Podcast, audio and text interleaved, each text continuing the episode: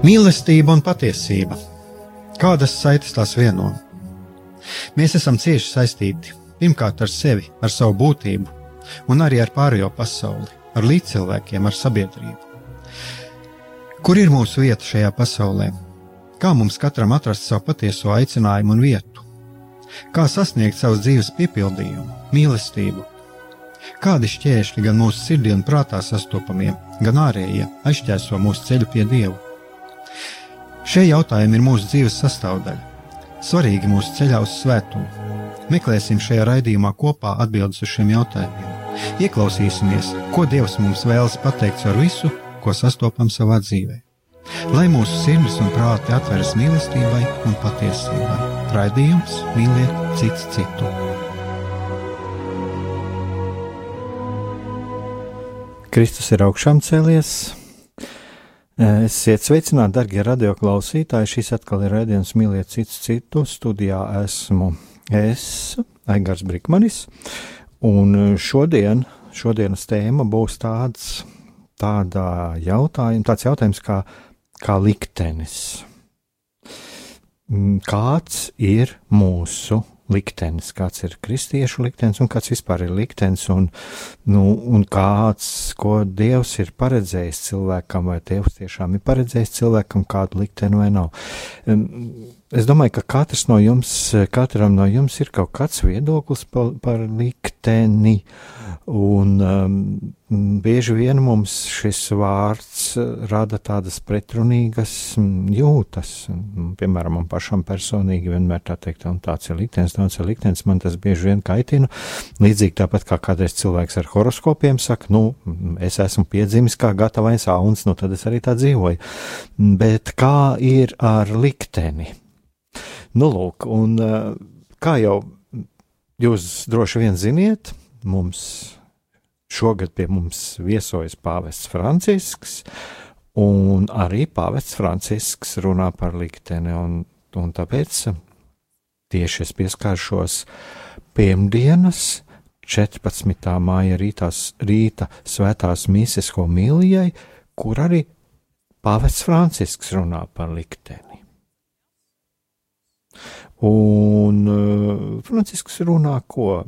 Uh, Francisks runā par Jēzu, viņš runā par to, ka Jēzus ir mūsu draugs, ka viņš ir nācis pie mums, viņš ir draugs, bet uh, pāvests runā arī par to, ka draudzība ar Jēzu nav kaut kāda nejaušība, un ka mēs to neesam saņēmuši nejauši. Lūk, arī šis otrs jautājums - nejaušība. Vai ir nejaušība, vai ir likumsakarības? Un eh, ko nozīmē šis vārds nejaušība?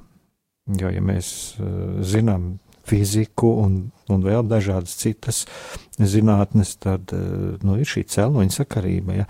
Tā tad lūk, bet pāvests arī tad runā draudzība ar Jēzu. Arī tā nav kaut kāda nejaušība, tā ir kaut kāda likumsakarība, un tā tad kaut kas no tāda, tā draudzība no kaut kā izriet.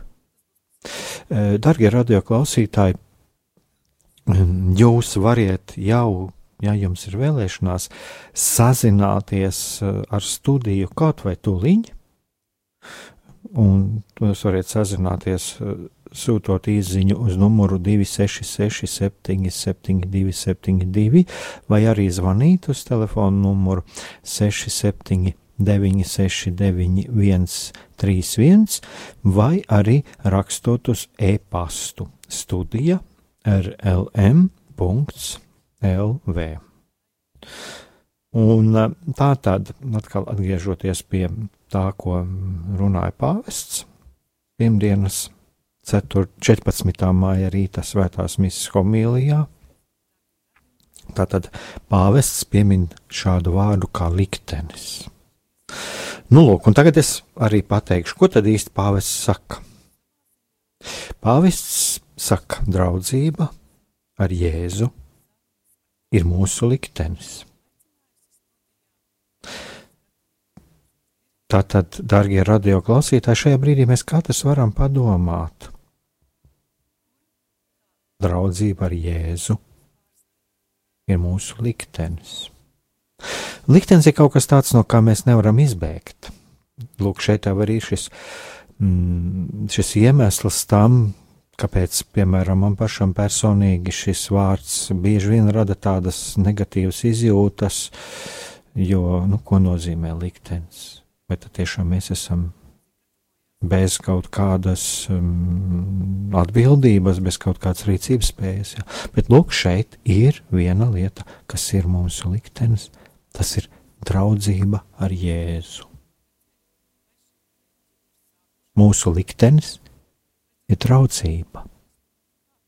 Darbie radioklausītāji, es domāju, ka tagad varētu būt arī pienācis laiks muzikālai pauzei, un mēs visi kopā varam padomāt par to, kas ir liktenis, kas ir draudzība ar Jēzu. Kā izpaužās šis liktenis?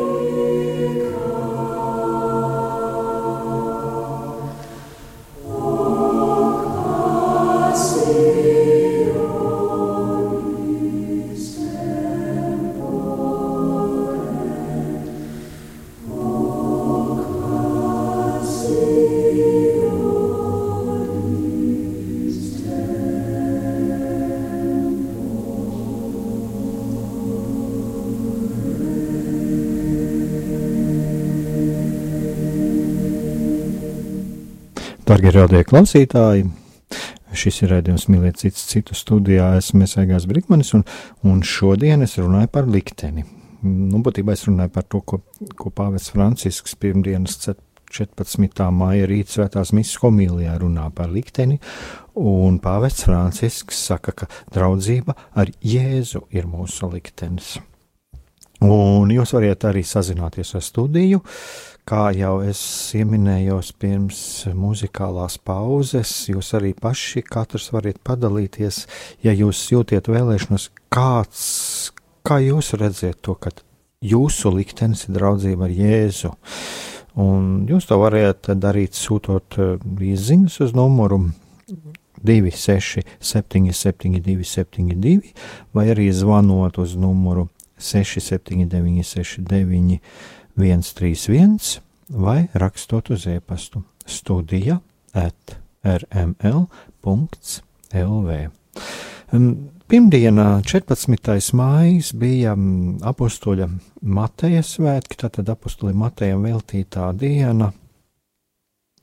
Un pāvests runā par to, ka šī draudzība, šī arī apustulim Matejam, ja viņam bija arī šī draudzība, ka tā nav tāda nejaušība, ja kad e, viņš tika izvēlēts kā, kā apustulis. Un, tas nav liktenis. Un, e, kā pāvests arī saka par šo, ka kristieši visi, būtībā visi kristieši ir saņēmuši šo dāvanu pie Jēzus sirdī, draudzību ar Jēzu. Un mēs šeit visi esam aicināti būt un palikt par Jēzus draugiem. Jā, un kā pāvests saka, jā, tas ir mūsu liktenis - būt par Jēzus draugiem. Un šeit arī mēs varam pārdomāt katrs savā sirdī vispār par to, kas ir draudzība. Kas ir draudzība? Kas mums katram ir draudzība? Mēs arī zinām to, ka mēs, mēs arī no svētiem rakstiem zinām to, ka mēs nevaram mīlēt Dievu, ja mēs nemīlam savu tuvāko. Ja mums nav šīs draudzības ar savu tuvāko, man pašam personīgi arī šīs pārdomas ir ļoti bieži par šo draudzību ar Jēzu. Eh, es esmu kopā ar Dievu. Kurā brīdī es esmu kopā ar Dievu? Vai es esmu kopā, brīdī, kopā ar Dievu tajā brīdī, kad man ir rūkums pret kādu manā sirdī? Bet varbūt es esmu. Varbūt es esmu kopā ar Dievu, ja arī manā sirdī ir rūkums pret kādu, par kādu grēku, ko kāds cilvēks ir izdarījis. Jo nevienmēr mūsu jūtas liecina par mums kaut ko negatīvu. Arī Jēzus dusmojās, arī Jēzus raudāja par cilvēka grēku, par to, ko cilvēks ir nodarījis. Būtībā Jēzus raudāja par šo cilvēku dvēseli. Un, darbie radioklausītāji, es arī vēlos jūs iedrošināt, nenobīties no savām jūtām, kā es arī šajā raidījumā bieži esmu teicis. Tas ir šis pārdoms, kuras man radās no šī, ko nozīmē man šī draudzība ar Jēzu. Vai tas ir kaut kas abstrakts, jo es dzīvoju šajā pasaulē? Tā ir šī pasaule. Ap, apkārt man daba, apkārt man cilvēki, ar kuriem man sanāks saskarties katru dienu, vai, vai gandrīz katru dienu. Un katrs mēs varam arī ieklausīties savā sirds balsīs, kā mēs, kādas kustības notiek mūsu sirdīs, satiekoties ar cilvēkiem. Kur šajās mūsu attiecībās, ko šajās attiecībās, ko šajās kustībās ir Dievs un ko Dievs saka caur šīm mūsu kustībām, mūsu sirdīs.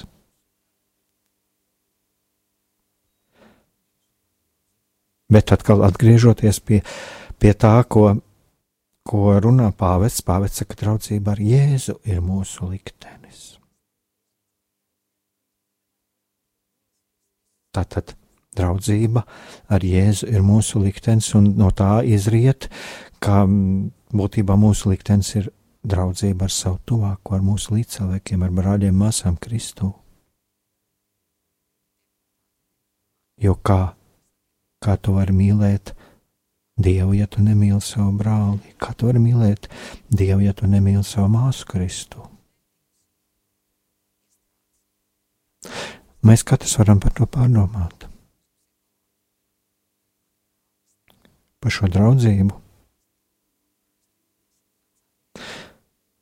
Jo kā pāvests runā,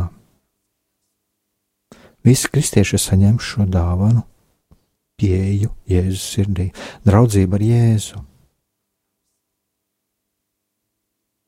Bet katrai pieejai ir kāda atslēga, vai tā nav?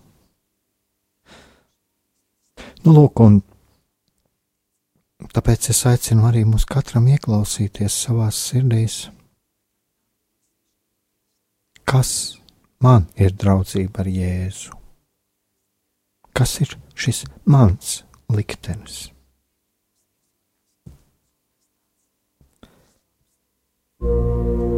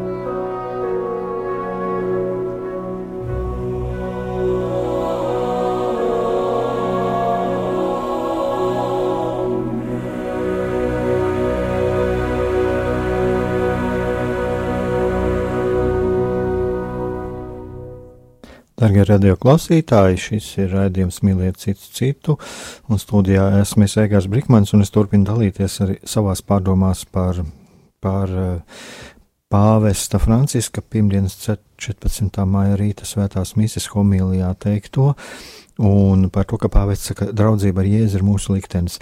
Kā jau jūs, darbie radio klausītāji, esat ievērojuši, tad tas, ko es daru, tas nav kaut kāds skaidrojums. Es necenšos skaidrot to, ko pāvests ir teicis. Tās ir pārdomas, tās ir manas pārdomas, kas manā pašu sirdī rodās. Un, un šo homīliju es esmu lasījis jau vakar. Mēs to lasījām evanģelizācijas šūniņā.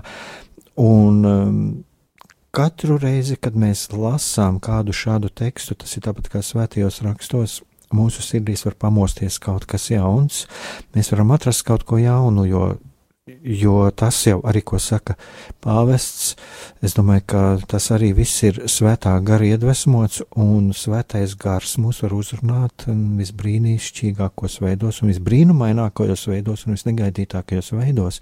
Mums nav obligāti jālasa pat kāds garīgs teksts, mēs varam arī daudz ko atrast laicīgajā literatūrā, kur mums var pieskarties svētais gars. Bet šajā gadījumā šis nav tas um, temats, par ko svētā gara darbību, bet šis ir tas, ko es jums vēlos uzsvērt, kad pāvests, tas šis teksts, to ko, es, to, ko es tagad runāju, tas ir pārdomas, un tas ir tas, kas ir manā sirdī radies, kas ir radies manā prātā, un tas ir mans personīgs, manas pārdomas, un eh, es domāju, ka katram no mums ir kaut kas savs, katram, katrs no mums kaut ko savu izdzīvot, ja mēs ieskatāmies, ieklausāmies šajos, šajā tekstā. Un, un, un es atkal šeit atgriežos pie tā, ko saka pāvests. Saka, pāvests saka, draudzība, arī, draudzība ar Jēzu ir mūsu liktenis. Un ko pāvests saka? Pāvests saka, ka Jēzus ir mūsu uzticīgais draugs, un Dievs paliek uzticīgs arī tad, Dievs paliek mums uzticīgs arī tad, kad mēs noliedzam viņu. Dievs paliek uzticīgs tad, kad cilvēks viņu noliedz. Mēs attālamies no Dieva, mēs attālināmies no Dieva ar saviem grēkiem, ar savām kaprīzēm, bieži vien at attālināmies no Dieva, bet Viņš paliek uzticīgs traucībai. Jēzus mūs nesauc par kalpiem, Viņš mūs sauc par draugiem. Mēs tagad varam arī pārdomāt, kā ir mūsu dzīvē bijis, cik bieži mums ir nācies vilties cilvēkos.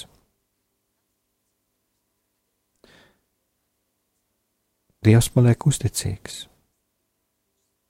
Pat tad, kad cilvēks viņu noliedz. Un mēs varam arī pārdomāt, Varbūt kāds no jums, darbie klausītāji, jūtat grūtības, jūs varbūt jūtat grūtības uzticēties Dievam, jo varbūt jūs kāds ir ievainojis kaut kad bērnībā, vai arī pie, pieaugušajā dzīvē, ka kāds ir lauzis uzticību, kāds ir jūs pievīlis, jūs esat kāds sajūtis kādu netaisnību Un varbūt kāds brīdis var būt tāds, kad mums ir grūtības uzticēties arī Dievam. Jo mums arī Dievs liekas kā šis cilvēks, kurš ir solījis uzticību, kurš ir solījis draudzību, bet ir mūs atstājis vai nodarījis kaut kādā veidā pāri. Varbūt kādam ir grūtības uzticēties Dievam, tāpēc ka Tēvs ir atstājis vai nodarījis pāri, ir bijis pārlieku prasīgs. Un lūk, šeit, šajā brīdī, es domāju, mums katram šajā brīdī, katram varbūt arī ar savu sāpi, ko mēs sevī nesam, atliek tikai viena lieta, kā paskatīties Jēzus virzienā. Jo Es tā domāju, ka Jēzus bija tāds brīnums arī tā laika cilvēkiem, kā jau jūs esat arī šajos raidījumos dzirdējuši iepriekš, ka Jēzus noliecās pie šī aklā cilvēka, ka Jēzus sauta šo aklo cilvēku, viņš dziedināja šo aklo cilvēku, tad, kad pārējie viņu apsauca. Jēzus darīja daudzas tādas lietas, ko tā laika sabiedrībā cilvēki apkārt nesaprata. Un vai tad nav tā arī mūsu laikā, kad cilvēki nesaprot labas lietas, nesaprot žēlsirdību, nesaprot labdarību? Bieži vien nesaprot. Protams, šajo, šo gadsimtu laikā domāšana ir mainījusies. Cilvēks vairs netiek vainots par savu slimību vai par kādu savu dzīves neveiksmi. Tas netiek skaidrots kā viņa kaut kāda grēka sekas. Bet vai nav tā, ka tomēr bieži vien egoismā sirds nocietinās? Ka cilvēks pāri par visu vairāk redz savas personīgās intereses, un viņam pat nav vajadzīgs nemaz stumt otru malā, bet viņš vienkārši nepamana. Nepamana to cilvēku, kas viņam ir blakus un kuram ir vajadzīga kaut kāda palīdzība vai vismaz kāds labs vārds. Vai varbūt vienkārši šis cilvēks vēlās tikt uzklausīts. Bet ar Jēzu tā nav. Jēzus ir uzticīgs draugs pat tad, pat tad, kad mēs no viņa attālināmies, kad mēs grēkojam, kad mēs no viņa attālināmies, viņa uzticība nemazinās. Un te mēs atkal varam atcerēties kaut vai kā līdzību ar pazudušā dēla tēvu, kurš tad, kad dēls ir aizgājis pasaulē, kad dēls ir aizgājis grēkos, Tēvs raugās tālumā un gaida dēlu atpakaļ, un tad, kad dēls atgriežas, mēs nedzirdam nevienu notiesājošu vārdu. Ja mīlestība ir tā, kas priecājas, mīlestība netiesā. Mīlestība priecājas par to dvēseli, kas ir atgriezusies. Lūk, un šeit mēs arī redzam to, ka Jēzus paliek uzticīgs visās mūsu dzīves situācijās. Es domāju, darbie radioklausītāji, jūs daudzi ziniet, to esat dzirdējuši arī baznīcā, bet runa, ka nav tāda grēka, nav tāda grēka, kas nevarētu tikt būt piedots. Tikai cilvēkam pašam ir jāatver. Un tāpēc ja atkal atgriežamies pie tā, ko es teicu, kad bieži vien arī man ir bijusi tā problēma ilgus gadus, līdz galam uzticēties Dievam, es esmu dusmojies uz Dievu, jo es biju saņēmis ievainojumus. Es arī biju saņēmis ievainojumus no cilvēkiem, no kuriem es biju atkarīgs. Un tad, kad es sāku skatīties uz Jēzu kā uz kaut ko tādu, kas, kas lauž šo vienvaldzības un cietsirdīgās vienaldzības stereotipu, kas ir doti daudziem, kad es sāku skatīties uz Jēzu kā uz labu draugu. Un, lai cik tas tā būtu ļoti interesanti, man Jēzus likās kā viens mans ļoti labs jaunības draugs, kurš man arī daudz ko bija palīdzējis, bet, protams, cilvēciskā draudzība nekad nevar pārspēt Dievu, un nevar pat sasniegt tādu draudzību, kā ir Dievam Bet tas bija viens tāds ļoti labs piemērs, kur cilvēciskā draudzība kaut mazliet mums parāda šo attēlu, šo dievu attēlu. Un tad, kad es uz Jēzu sāku raudzīties, kā nevis uz kādu bargu un prasīgu, tā, eh, bargu un prasīgu tēvu vai priekšnieku, vai kā uz bargu un arī taisnīgu tiesnesi, bet kā uz draugu, kurš redz manu sirdi un redz manas sirds sāpes, manas sirds ievainojums, un gan manus priekus, gan bēdas, un kurš saprot mani. Mans skatījums uz, uz Dievu un uz Jēzu kļuva pavisam citāds. Protams, darbie radioklausītāji, arī es piederu pie tiem pašiem cilvēkiem, kuri aizmirst Dievu. Bieži vien es aizmirstu Dievu, es eju savās pasaulīgajās rūpēs, savās pasaulīgajās darīšanās. Arī es tāpat kā, es domāju, daudz no jums bieži vien tieku kārdināts un, un kaut kādas pasaulīgās lietas mani aizved projām no Dieva, bet tas lielais mierinājums ir tas, ka mēs katrs varam pie Dieva atgriezties. Un ka Dievs redz to, kas ir mūsu sirdīs. Un viņš skatās ar citām acīm, ne ar tām, ar kādām skatās cilvēki.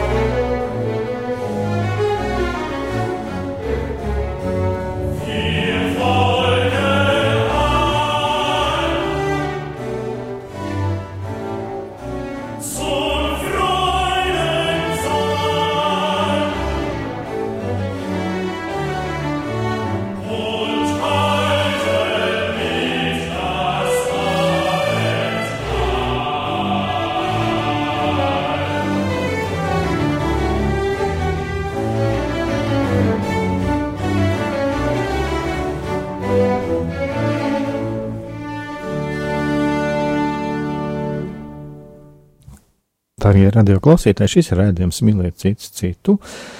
Studijā esmu Iesēgārs Brikmanis un es turpinu dalīties, dalīties savās pārdomās par pāvesta Franciska 4. māja rīta svētās misijas homilijā teikto un par to, ko pāvests saka, ka draudzība ar Jēzu ir mūsu liktenis un, un, un es te savās pārdomās arī dalījos par to, ka būtībā jau šī draudzība, šo draudzību un šo grūtības mums saskatīt to, ka Jēzus ir šis mūsu draugs, bieži vien e, rada tas, ka mēs, mūsu cilvēki, kas ir mums bijuši blakus, blakus un, Un tieši tie smagākie ievainojumi no tiem tuvākajiem, tiem, kas mums ir bijuši ģimenē, no kuriem mēs esam kādreiz bijuši atkarīgi. Bet tas pat var būt kāds priekšnieks vai arī kāds laulātais, kas arī ļoti būtiski. Un, un mēs esam saņēmuši šo ievainojumu, un, un mums ir ļoti grūti saskatīt e, šo Jēzus uzticību, un ļoti grūti noticēt, ka var vispār pastāvēt šāda uzticīga draudzība. Tas ir tāds, mm, tāds liekas, tāds paradoks, bet man pavisam, pavisam arī nesen iznāca saruna, arī, kur, kur arī kāds teksim, bērns, kurš ir pieaudzis, kurš arī par to runāja, kad Dievs man, manā skatījumā, man ir bargs, prasīgs tēvs, un ļoti grūti paskatīties uz Jēzu kā uz draugu. Un tāpēc es arī aicinu aicinu pārdomāt, mums katram savā sirdīs pārdomāt par to, ka kāds ir Jēzus, kā Jēzus skatās uz mani, kā ar kādu skatienu Jēzus skatās uz mani, uz manām rūpēm, uz manu, gan uz maniem, manām bēdām, gan arī uz maniem priekiem, kur ir Jēzus, kur viņš ir man blakus. Un kā jau es teicu, arī pirms muzikālās pauzes, tad būtībā jau Jēzus ir tas, kurš lauza šo Es pat teiktu, tā es varu mazliet vēl piebilst klāt tālāk, kad manā skatījumā Jēzus pat lauza sava laika e, sastingušo reliģiozitāti. Un vai nav arī mums tāpat jāpaskatās arī mūsu, laiku, mūsu pašu laikā, un, piemēram, man pašam kādreiz nākās par to pārdomāt arī, vai arī mana reliģiozitāte nav kaut kāda balstīta kaut kādā pareizumā. Un es šeit nebūtu nerunāju par pareizu kā kaut ko sliktu, bet vairāk par to, ka šis, šī ārējā forma, šī ārējā manas ticības izpausme eh, man var likties tas, kas ar ko man pietiek, bet tā pašā laikā man ir blakus cilvēks, kur es varu aizmirst. Jo es it kā skrienu kaut kur kalpot, bet patiesībā man ir cilvēks blakus, kuru, kur Dievs man ir uzticējis. Nu, lūk, tā. Un tagad es atkal uh, vēlos atgriezties tieši pie tā, ko, ko pāvests saka. Un pāvests arī saka tā, viņš par jūdas saka, ka viņš nesaka, nedzent projām jūdas, bet viņš viņu sauc par draugu. Šeit man arī pāvesta citāts, ko viņš uh, runā pats homīlijā, tad lūk, šeit ir pāvesta vārdi. Jēzus ir mūsu draugs Jūda brīvi izvēlējās sev jaunu likteni. Viņš attālinājās no Jēzus. Tā ir apostāsija, attālināšanās no Jēzus, kad viņa draugs kļūst par ienaidnieku, vai kad draugs kļūst vienaldzīgs vai nodod savu draugu. Un tagad atkal es tomēr gribu atgriezties arī pie tā, par šo izvēli, par manis paša izvēli, mana izvēle būt uzticīgam. Vai izvēlēties, kā pāvests šeit saka, tā, izvēlēties jaunu likteni. Ja mūsu liktenis ir draudzība ar Jēzu, tad liktenis ir, protams, arī mēs varētu pateikt, jā, ir vēl kāds liktenis, ja mēs atsakāmies no draudzības ar Jēzu, mums ir pavisam cits liktenis. Tad, tad mēs varam runāt šeit par to, ka ir draudzība. Liktenis ir būt ar Jēzu vai nebūt ar Jēzu. Un lūk, šī attālināšanās no Jēzus tā ir tā viena no lielākajām traģēdijām, ko mēs arī varam piedzīvot, piedzīvot savā dzīvē. Un cik bieži mēs nesam redzējuši sev apkārt, vai arī paši piedzīvojuši savā, savās ģimenēs, tiek atstāti laulātie, tiek atstāti bērni.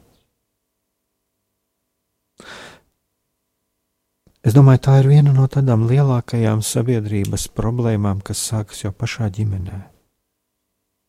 Un te es atkal gribu pieskarties pie tā, ko jau es esmu kādreiz teicis, ka nekādas akcijas un nekādi likumi nemainīs mūsu sabiedrību, ja mūsu sirdīs nebūs Jēzus. Bet atslēga pie Jēzus ir bieži vien caur attieksmi pret to cilvēku, ko Dievs ir licis mūsu ceļā, ko Viņš ir mums uzticējis.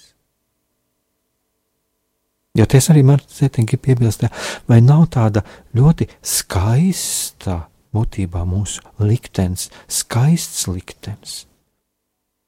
Būt līdzīgam Jēzu attieksmē pret otru cilvēku. Vai tā nav skaista dāvana mums? Jo Dievs mums dod cilvēku, ar kuru mēs varam dalīties savā mīlestībā. Un kā jau es arī pieminēju, šeit arī pats pāvests savā homilijā saka, ka lūk, viņš saka, ka svētie raksti vēsti, ka jūdas vietā tika izolēts mat, Matejs un īstenībā viņš tika izlozēts, lai būtu par augšām celšanās liecinieku. Darbie klausītāji, mēs visi esam aicināti arī piedzīvot šo, šo augšām celšanos, un vispirms jau paši savā sirdīs. Manuprāt, vismaz es tā domāju par pats par sevi, un, un vispār, manuprāt, cilvēks, lai viņš tiešām saprastu un kaut mazliet saprastu to, ko nozīmē šī augšām celšanās ir mums jāsatiek Jēzus. Jāsatiek savā sirdī, tātad piedzīvot savu sirdžu augšām celšanos, manas sirds augšām celšanos. Un kā arī e, runā pāvests par, par apakstuli Mateju, ka būtībā jau apustulis Matejs tika izlozēts, lai kļūtu par augšām celšanās liecinieku, par Dieva mīlestības dāvanas liecinieku. Un kā arī pāvests atsaucās, arī atsaucoties uz svētiem rakstiem, saka, ko Jēzus saka: Es jūs nesaucu par draugiem, jo visu, ko dzirdēju no sava tēva, es jums darīju zināmu. Tātad atkal kaut kā arī, ko pāvests runā, pāvests runā par to, ka draugs ir tas, kurš dalās ar otru savos noslēpumos. Es esmu saņēmis dāvanu no Dieva. Es viņu nepatēru pie sevis, es ar viņu dalos. Es dalos ar to, ko es esmu atradis svētajos rakstos. Bet pirmkārt jau es dalos ar to, kas ir manā sirdī. Un kas ir manā sirdī, to es dodu otram cilvēkam. Es dalos savā mīlestībā. Es dalos savas mīlestības darbos. Es atsakos no sevis, no daļas no sevis, lai es būtu otru, kopā ar otru cilvēku. Un tad es arī esmu šis mīlestības dāvanas liecinieks. Jo pats Jēzus saka, es jūs nosaucu par draugiem, jo visu, ko dzirdēju no sava tēva, es jums dalīju, darīju zināmu. Tātad būtībā Jēzus mūs nosauc par draugiem. Jēzus ir mūsu draugs. Darbie radio klausītāji, domāju, tagad arī mums būtu laiks mūzikas pauzei.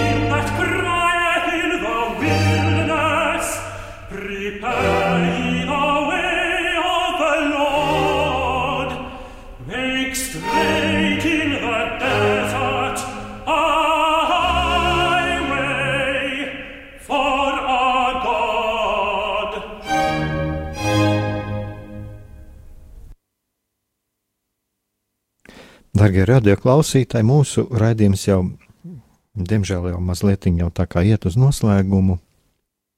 Un es teiktu, kā jau jūs dzirdējāt, dalos šodien ar pāvesta Franciska pirmdienas 14. māja rītās svētās mises homilijā teikto un to kādas pārdomas, kādas, kas manā sirdī notiek lasot šo tekstu un, un kā tas mani uzrunā, ko tas liek man pašam pārdomāt sevī. Un, lūk, es tagad atkal atgriežos pie, atgriežos pie to, ko, ko saka, ko runā pāvests. Un ir tā ļoti interesanti, ka pāvests runā tā.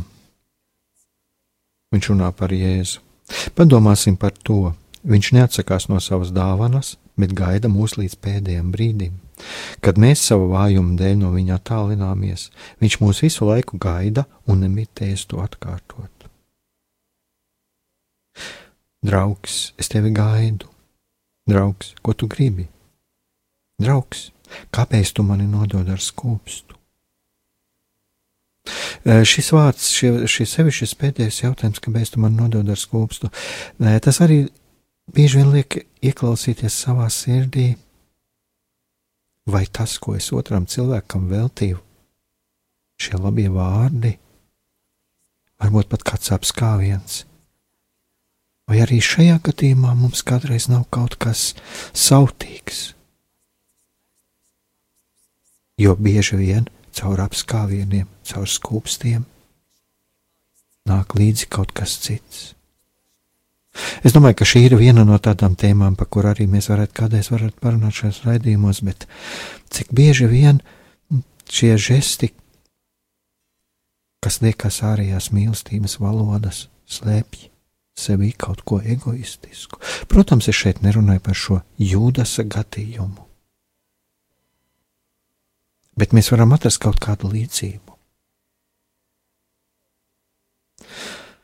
Lūk, un uh, Bet ko vēl mēs redzam, ka pats neatsakās no savas dāvanas, un es domāju, kas ir, no, kas ir šī dāvana?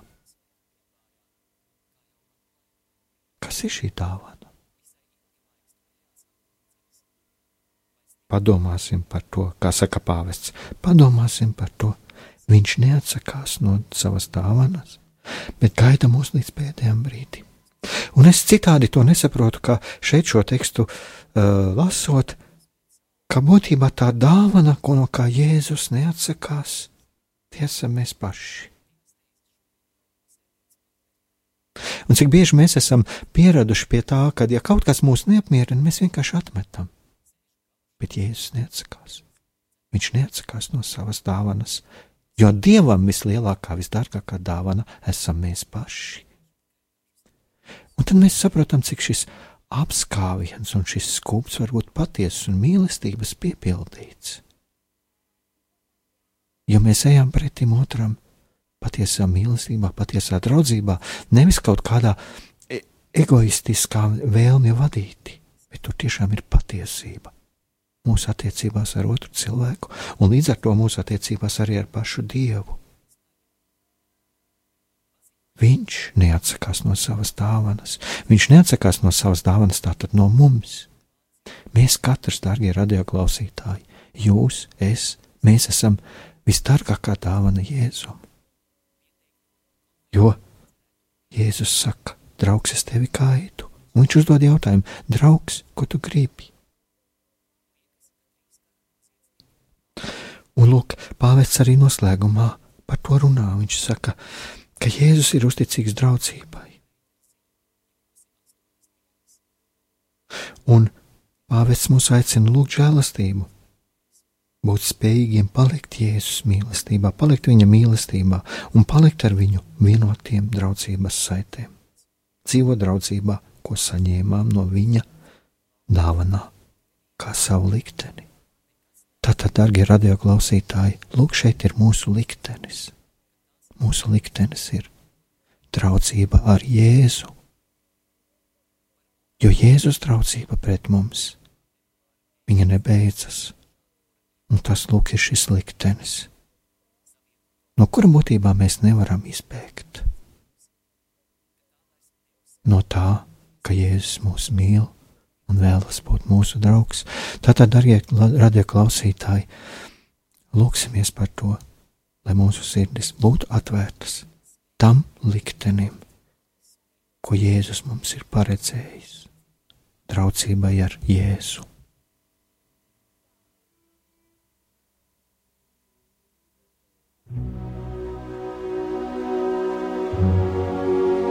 Mīlestība un patiesība. Kādas saites tās vieno? Mēs esam cieši saistīti pirmkārt ar sevi, ar savu būtību, un arī ar pārējo pasauli, ar līdzcilvēkiem, ar sabiedrību. Kur ir mūsu vieta šajā pasaulē? Kā mums katram atrast savu patieso aicinājumu un vietu? Kā sasniegt savas dzīves piepildījumu, mīlestību, Kādi šķēršļi gan mūsu sirdī un prātā sastopamie, gan ārējie aizķēso mūsu ceļu pie Dieva? Šie jautājumi ir mūsu dzīves sastāvdaļa, svarīgi mūsu ceļā uz svētumu. Meklēsim šajā raidījumā kopā atbildes uz šiem jautājumiem. Ieklausīsimies, ko Dievs mums vēlas pateikt ar visu, ko sastopam savā dzīvē. Lai mūsu sirds un prāti atveras mīlestībai un patiesībai, raidījums mīliet cits citu.